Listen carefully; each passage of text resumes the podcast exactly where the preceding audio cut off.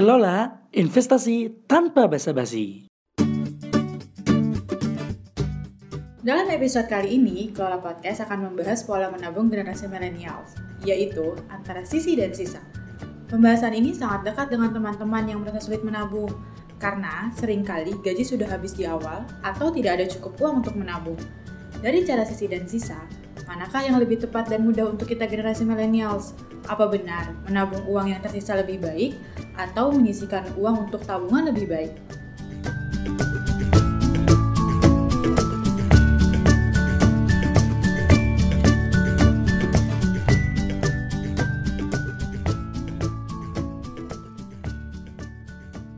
Halo Sobat Kelola, balik lagi nih sama gue Bara Gue ditemani dua temen gue kemarin Halo Vita Halo, Halo Caca Hai. Eh, Gimana kabarnya nih?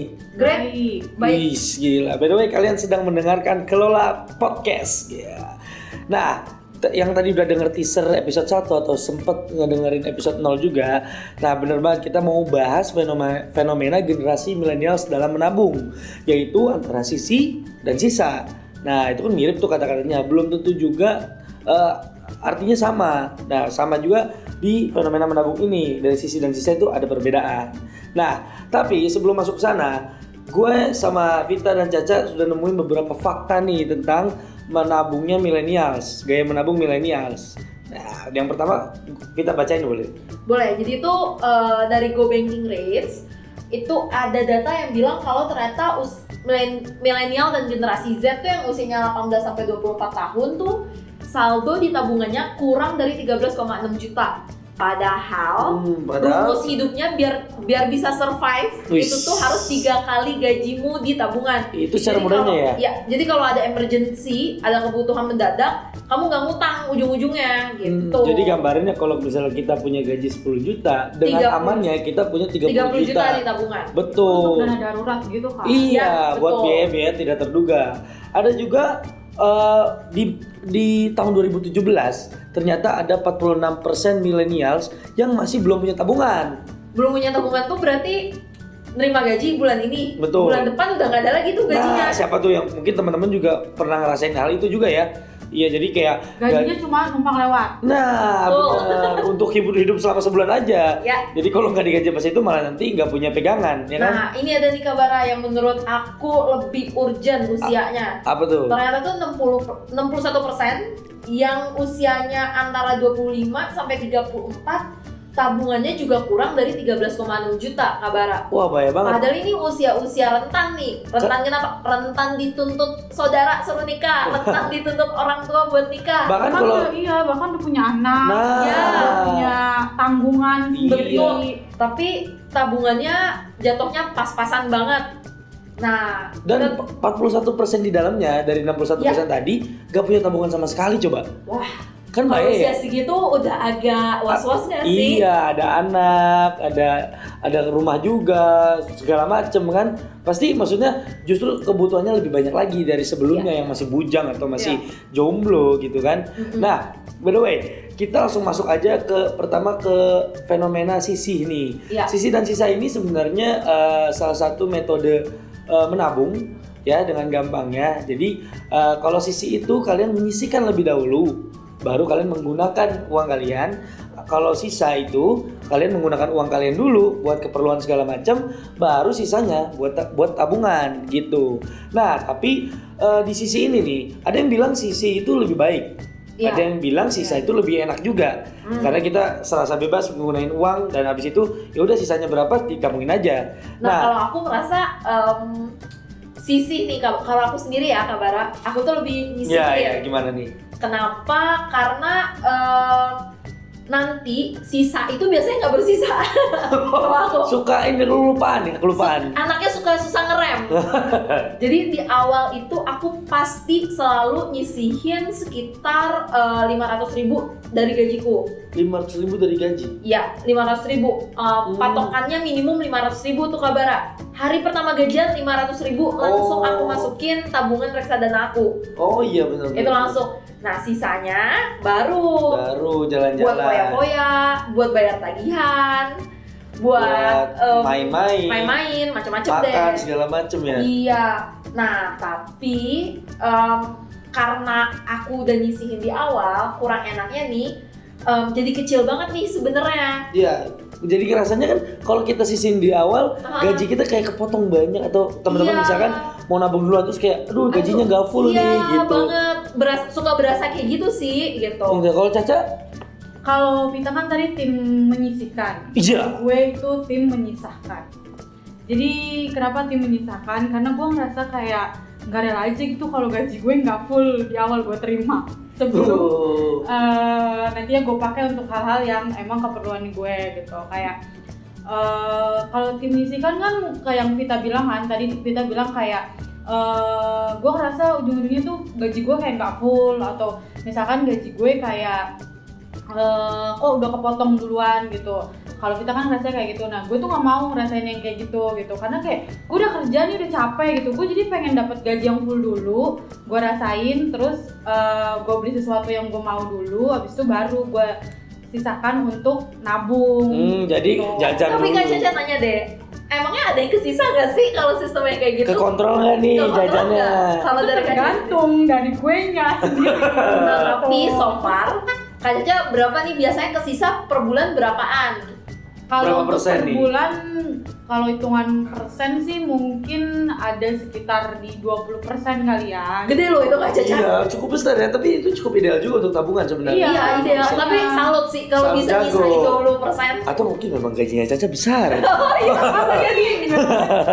Teman-teman, nah, nah dari dari menyisihkan ini nih, tadi memang benar pertama kita tuh kadang malas banget nyisihin karena eh, kerasa gajinya nanti malah kecil gitu kan. Hmm. Nah, dari eh, cara menabung menyisihkan ini nih, tadi kalau ke Vita bilang eh, gak enaknya kadang kalau nyisihin tuh kerasa gajinya kepotong ya Vita ya?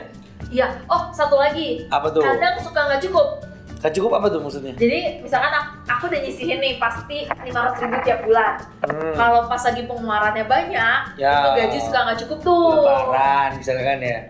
Pengeluaran Beli banyak. tiket. Beli Oh. tiket atau misalkan cicilannya Summer gitu. season ya kan? Iya yang kayak gitu-gitu. Jadi suka suka nggak cukup. Jadi suka kayak sedih sendiri gitu. Oh iya. Terus benar, benar, um, kendalanya adalah bisa um, jadi kayak ngutang, Hmm, ngutang tuh Iya, jadinya buat nutupin yang kayak um, kekurangan, bulan ini gitu. Iya, benar. Jadi investasi iya, tapi di saat yang bersamaan ngutangnya juga iya jalan. Hmm, gitu. Nah, itu uh, pasti buat teman-teman yang pernah menyisihkan merasakan juga ya, Fit ya? Mungkin, mungkin ya. Mungkin sama ya. Atau mereka sudah rapi emang Vitanya aja, yang jajannya banyak Yang gitu. belum bisa. Itu. Nah, kadang juga ada yang lebih memilih eh, mengakalinya, lebih memilih menyisihkan uangnya dengan eh, jumlah kecil. Jadi misalkan nih eh, taruhlah gaji 10 juta. Karena takut merasa gajinya nanti kepotong gede banget buat cicilan, kan kalau idealnya misalnya 20% lah, oke. Ini dia nyicil, ni- dia nabungnya cuma satu juta katakanlah, kan 10% doang tuh, atau di bawah di bawah dari itu gitu, karena masih kerasa masih banyak. Jadi kayak mengcombine dua eh, dua dua cara menabung ini.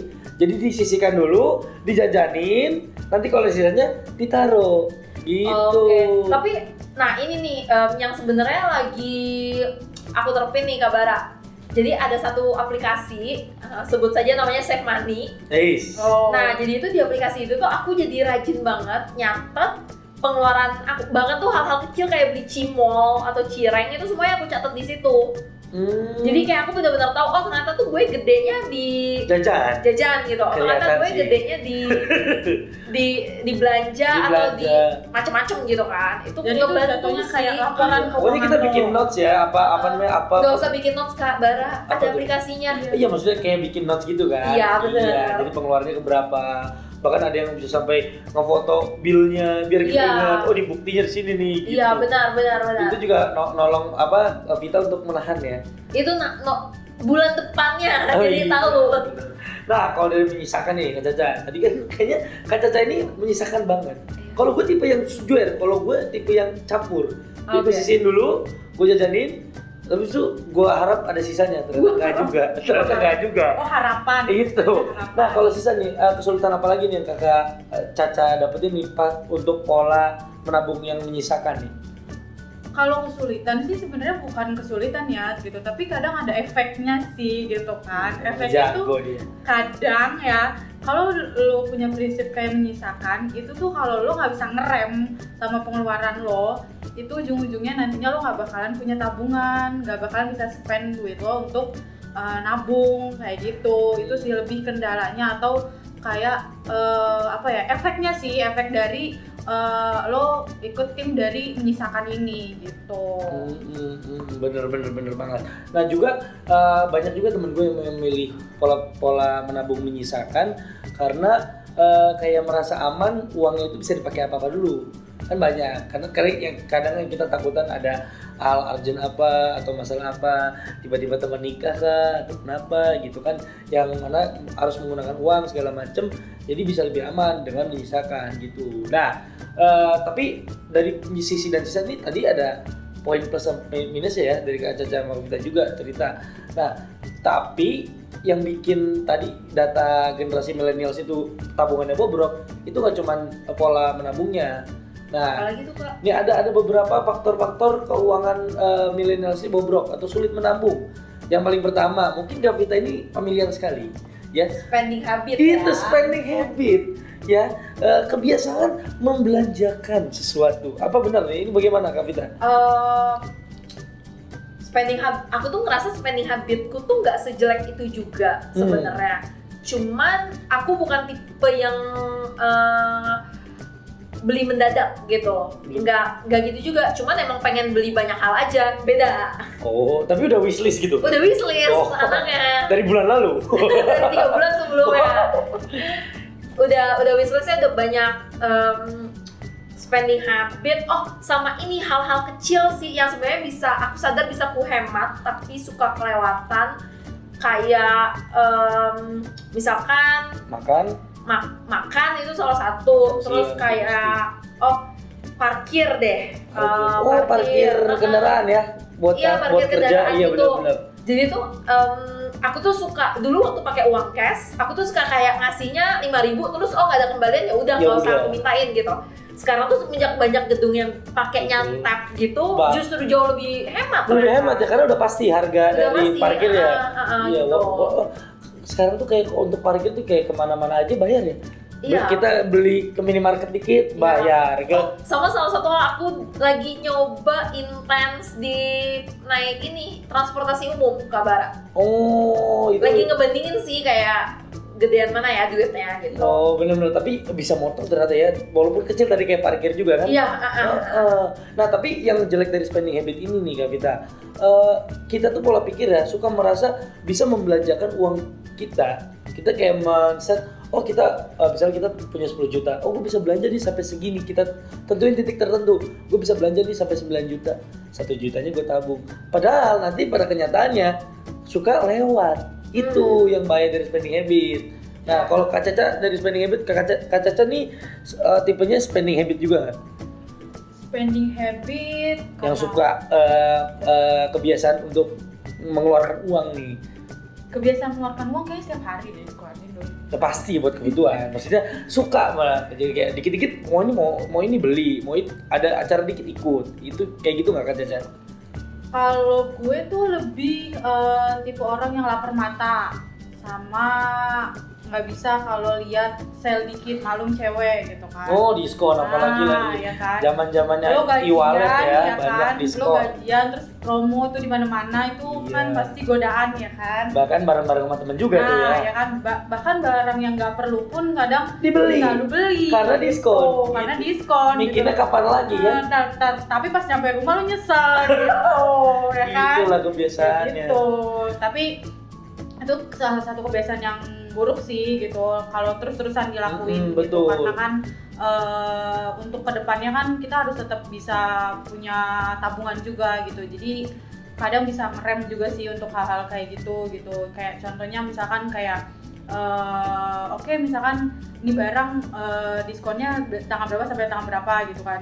Terus Hmm, gue biasanya iya gue biasanya kayak eh, kayak dia ngasih diskon satu minggu nih gitu kan terus gue mikir tuh kadang tiga hari gue butuh nggak gue gue pengen beli Oh, jadi kayak kasih gitu. waktu tenggat waktu dulu. Ah, tapi Apakah benar-benar butuh iya, atau tidak? kalau misalnya gue nggak butuh, Bagus. ya gue nggak beli gitu. Tapi Betul. kalau gue butuh, ya baru gue Itu strategi yang juga bisa jadi tips buat teman-teman sobat kelola ya. Iya, Untuk yang merasa mungkin sama juga punya habit uh, spending money ya.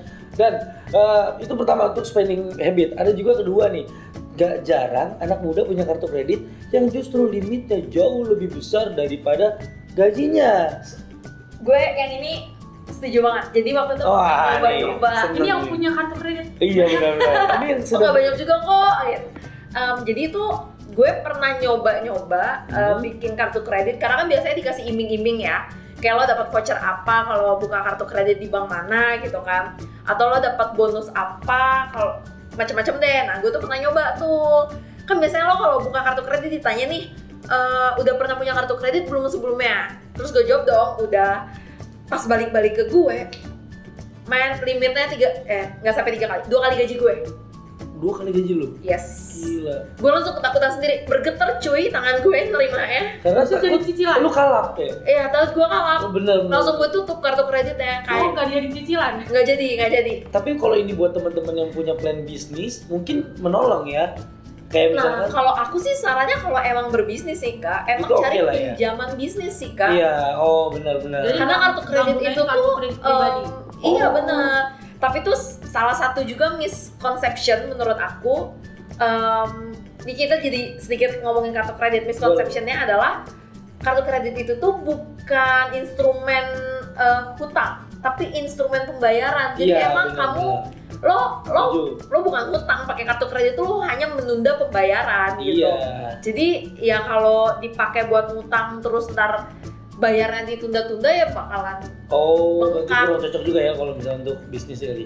bu kalau a- aja. aku Kalau belum buat pernah buat sih. Fit, Kavita belum. Enggak ya? sih ya kayaknya. Tapi- Emang mendingan ngambil ini pinjaman bisnis yang Oh, emang gitu. udah ada supportnya banyak deh seharusnya. Tapi bener ya, eh, sobat-sobat kelola yang generasi milenial sih, apalagi yang muda paling baru mulai, atau yang justru generasi milenial yang eh, selanjutnya yang udah umur 25 sampai 34 punya kartu kredit yang limitnya jauh jauh. Kalau kita bilang kita bisa bilang jauh jauh dari eh, penghasilannya mereka, iya. Dan itu kan cukup bahaya juga kan untuk teman-teman yang nggak siap ibaratnya untuk menghadapi apa namanya eh, eh, pembayaran nanti Mm-mm. jadi kayak lupa gitu apa atau tidak oh tidak terkontrol pembelanjaannya jadi kayak merasakan kayak oh gue masih bisa belanja lagi bisa bisa belanja lagi padahal sudah menghabiskan uang yang cukup besar gitu Nah terus tuh ini yang kita langsung jam ke poin terakhir nih Kabara. yang mana nih Em, kadang-kadang tuh kita suka bingung antara milih nabung atau investasi. nah itu itu itu masalah yang salah satu kenapa eh, jadi faktor kenapa keuangan milenial tuh bobrok ya, tidak tahu strategi untuk menab, eh, untuk berinvestasi atau menabung Ya, tapi kalau di aku nabung itu kan em, kayak tadi balik lagi nabung itu khusus untuk em, jangka pendek. Jadi kayak emergency fund itu seharusnya masuk tabungan karena dia liquid. ya lebih Bisa ditarik kapan aja, betul Kalau Untuk lagi invest- kita lagi kita butuh. iya Eh, sebenarnya selalu butuh, tapi ya bener. Nah, tapi kalau investasi itu lebih untuk jangka panjang.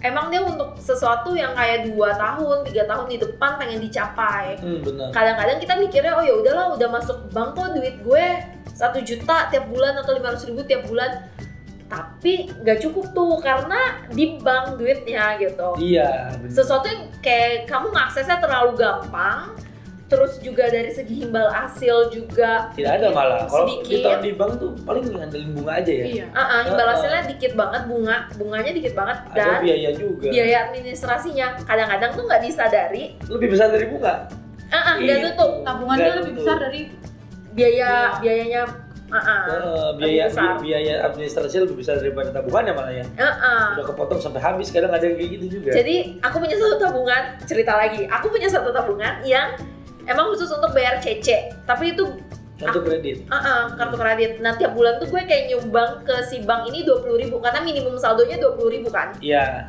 gitu. saldo mengendapnya dua puluh ribu. Hmm, jadi kamu kayaknya kayak buang ya udah buang duit aja gitu. Dan ada beberapa bank yang kayak saldo mengendapnya tuh kayak lumayan gede. Jadi sebenarnya kalau emang pengen jangka panjang dengan imbal hasil yang lumayan ya harus ke produk atau instrumen investasi Hmm, Kayak kayak eh, reksadana. reksadana, atau emas, emas atau kalau yang mau yang Berjual agak lagi. sultan dikit tuh tanah Iya, atau atau saham. rumah betul bisa investasi gitu. Tapi eh, wajar memang generasi milenial ini mungkin masih banyak belum paham tentang literasi investasi mena- menabungi juga yang baik dan baru-baru hype juga kan untuk eh, apa namanya tren menabung dan investasi ini gitu. Nah eh, dari faktor keuangan yang bobrok untuk generasi milenial nih kita tim kelola podcast udah mengkaji sedikit solusi-solusi nih tips-tips juga untuk eh, teman-teman sobat kelola eh, gimana cara menghadapi eh, fenomena menabung di millennials yang sulit banget nih dilakukan. Ya, pertama, eh, ini ini justru dapat quotes dari eh, Warren Buffett. Jadi dia pernah dia ada quotes eh, dari Warren Buffett. Warren Buffett ini salah satu eh, bisa dibilang pialang saham jago banget yang akhirnya dia kayak dalam investasi Nah, dan dia dia ini eh, punya quotes yang paling terkenal banget di dunia. Nah, kata Warren Buffett nih, do not save what is left after spending, but spend what is left after saving, kata dia. Nah, jadi kata dia maksudnya adalah jangan ngabisin uang, eh jangan, jangan kalian nabung setelah menghabiskan uang, karena kadang sering tidak terkontrol. Nah, tapi habiskan uang setelah kalian menabung. Nah, jadi saran dari Warren Buffett, Warren Buffett ini lebih mengarah ke kayak eh, Kavita menabung tadi. di awal Itu. terus bukan malah menabung di akhir Iya. Jadi itu sebenarnya perasaan gajinya jadi dikit itu cuma perasaan aja ya. Betul, ya. itu kayak apa namanya di eh, stigma di pikiran kita aja. sebenarnya jauh lebih bermanfaat. Iya lebih aman juga karena sebenarnya kan yang nabung juga kita bisa juga eh, apa namanya ambil juga uangnya kan kalau misalkan suatu saat ada kenapa-napa gitu tapi buat teman-teman yang misalkan seperti Kak Caca nih yang udah memang udah terbiasa menyisakan tidak apa-apa karena eh, eh, apa namanya poin pentingnya justru di tabungannya gitu. Jangan sampai eh, maksa-maksain ikut eh, menyisa tapi teman-teman kesulitan keambil juga malah jadi salah juga. Mending pakai cara yang kalian suka dulu. Boleh dari sisi atau sisa. Ada plus minusnya tuh. Nah jadi solusi dari kita tips pertama mungkin langsung sisihkan gaji untuk tabungan. Ya. jadi di hari pertama tuh di hari pertama kan masih kerasa banyak kan. Buat start dari kecil aja gitu nah bisa disaranin daripada tabungan mending investasi gitu nah untuk teman-teman misalkan investasi apa ya kan ka- eh, dengar kata investasi pasti kayaknya wih mahal nih besar nih biayanya atau apa ya takut Iya. penipuan, segala macam Betul, takut banget penipuan. Nah, ternyata ada yang sudah diresmikan oleh OJK sendiri, yaitu reksadana. Bisa mulai dari 100.000 ribu instrumennya. Teman-teman bisa start nabung dari 100.000 ribu. Nah, kalau habis gaji kan 100.000 ribu kan gak terlalu terasa berat kan. Nah, itu bisa banget jadi pilihan untuk tabungan pertama banget. Jadi akumulasi habit sih Kabara kalau aku lihat ya. Iya. Masukin Warren Buffett itu um, sedikit-sedikit kalau kata peribahasa Indonesia sedikit-sedikit lama-lama menjadi bukit. alon-alon asal kelakon, Pelan-pelan asal apa tuh Kabara? asal jadian. Asal jadi anak itu. Itu ca. Nah, apa namanya? Bisa dimulai dari reksadana. Nah, kalau teman-teman belum tahu reksadana, teman-teman juga bisa download tuh di uh, aplikasi Aplikasi kelola. Kita ada produk investasi reksadana. Nah, tips kedua apa nih Kak Caca?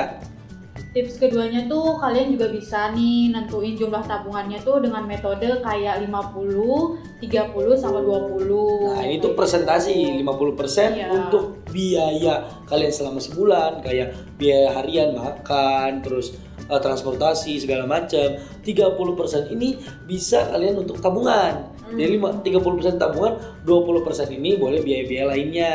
Hura-hura lah ya. Bisa hura-hura, Langsung bisa buat misalnya sumbangan atau segala macam jajan-jajanin ade kan gitu bisa. Nah, tapi menurut aku ini nih yang kadang-kadang suka kurang ya. Kadang kalau nabung hanya untuk menabung atau investasi hanya untuk investasi itu kayaknya kosong.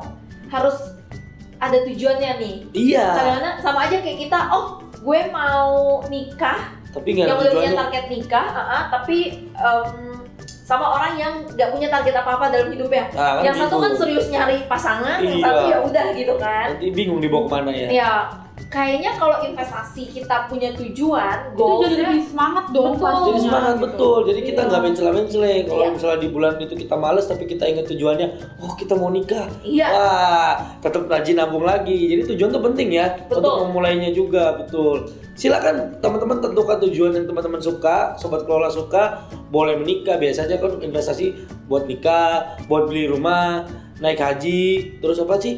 Beli mobil ya kan, hal-hal seperti itu atau buat jaminan hari tua teman-teman sendiri gitu. Nah, keempat bisa diarahkan investasi atau tabungannya untuk memiliki ruang sendiri. yang tadi udah disampaikan ya kak. Iya.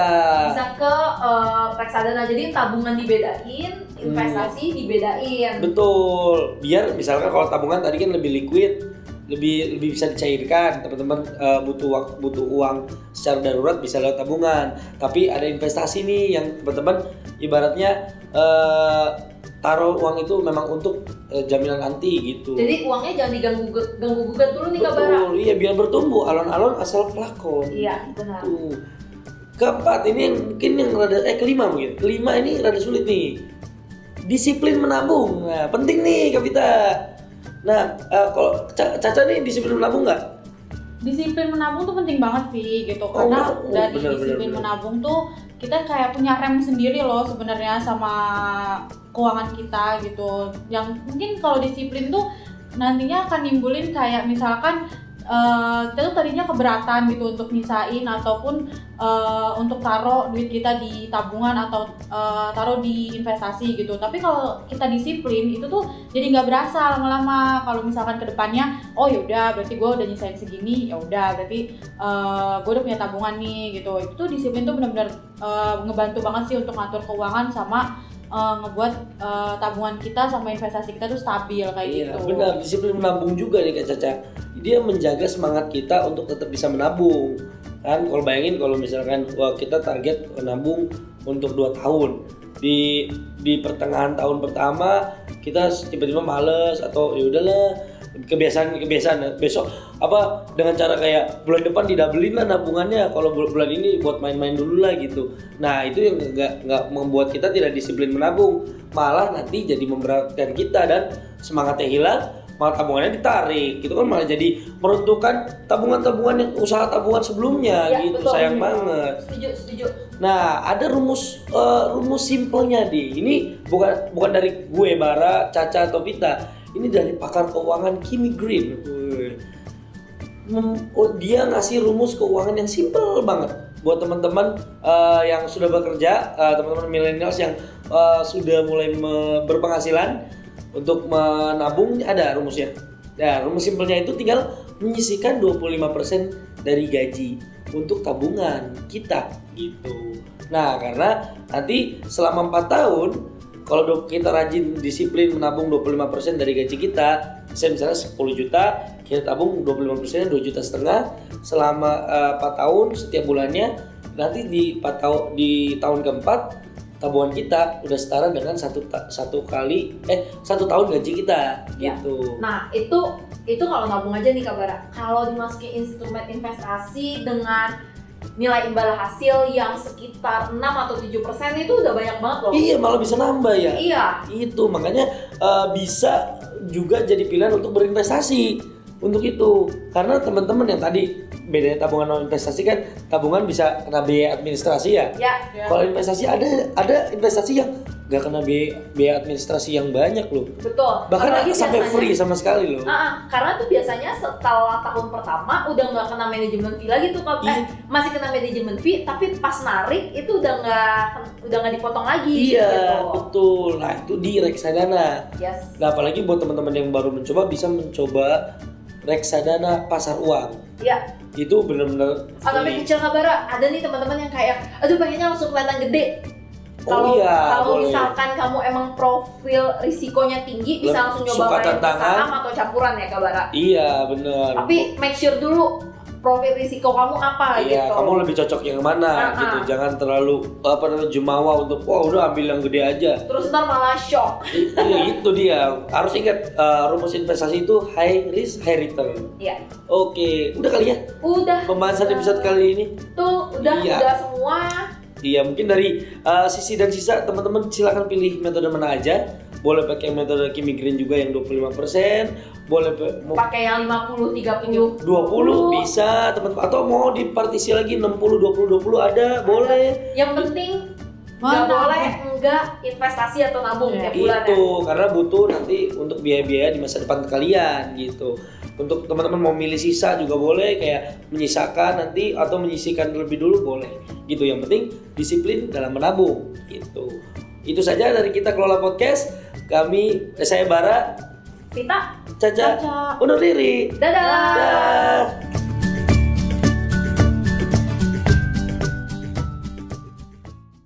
Investasi kelola sekarang.